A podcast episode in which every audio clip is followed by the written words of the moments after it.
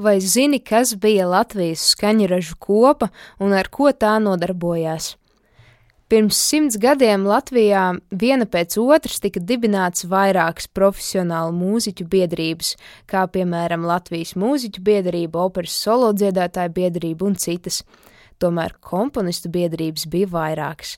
Pirms Latvijas skaņrežu kopas dibināja Latviju komponistu biedrību, bet 30. gados dibināja neatkarīgo komponistu biedrību. Jāzeps Vītols, Emīls Melngāls, Alfreds Kalniņš, Jānis Zālīts un Jānis Mediņš 1923. gada decembrī parakstījās kā Latvijas skaņrežu kopas dibinātāji. Jakobs Graubiņš presē rakstīja, ka apvienošanās un saprašanās tieksmes bijušas lielas, ja tās varēja savest kopā tik dažāda raksturu skaņražus un izlīdzināt domstarpības, kuras diezgan bieži agrāk raksturoja to attiecības. Tomēr bez nesaskaņām neiztika arī uz priekšu, un Kalniņu un Melngāli no biedrības vēlāk izslēdza.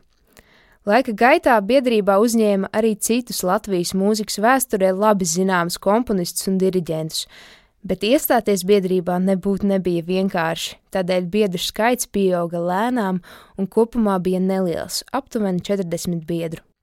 Statūtos tika ierakstīts, ka skaņražu apvienošanās nolūks ir mūzikas pētīšana, izplatīšana un jaunradīšana, bet biedrība savu darbību vērsa arī citos virzienos.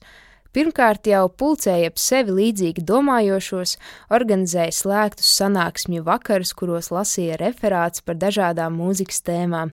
Ar kultūras fonda atbalstu izveidoja, bet diemžēl īslaicīgi izdeva mūzikas žurnālu mūzika, lai rūpētos par skaņdarbu izplatīšanu, dibināja savu nošu izdevniecību un izveidoja finansiālu atbalsta rīku, nošu kontu, kurā komponistiem uzkrājās procenti no autora honorāra, un šo summu drīkstēja izlietot tikai nošu izdošanai.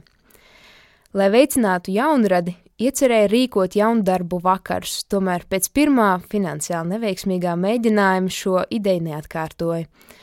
Latvijas skaņrežu kopa aktīvi iesaistījās arī plašākā mūzikas dzīves veidošanā. Tās pārstāvji bija kultūras fonda lietpratēja komisijās un izglītības ministrijas skaņu mākslas padomē.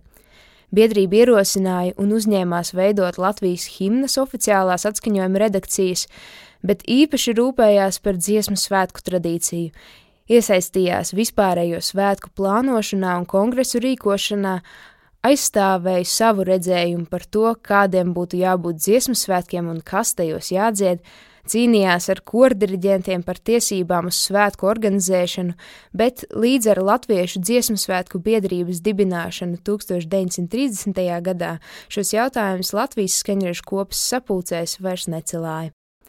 Savukārt interese par komponistu sociālā un ekonomiskā stāvokļa uzlabošanu un autortiesību aizstāvību bija visnoturīgākā un savu aktualitāti nezaudēja visu biedrības darbības laiku. Latvijas skaņrežu kopa bija galvenā organizācija starpkara periodā, kas aizstāvēja komponistu autortiesības.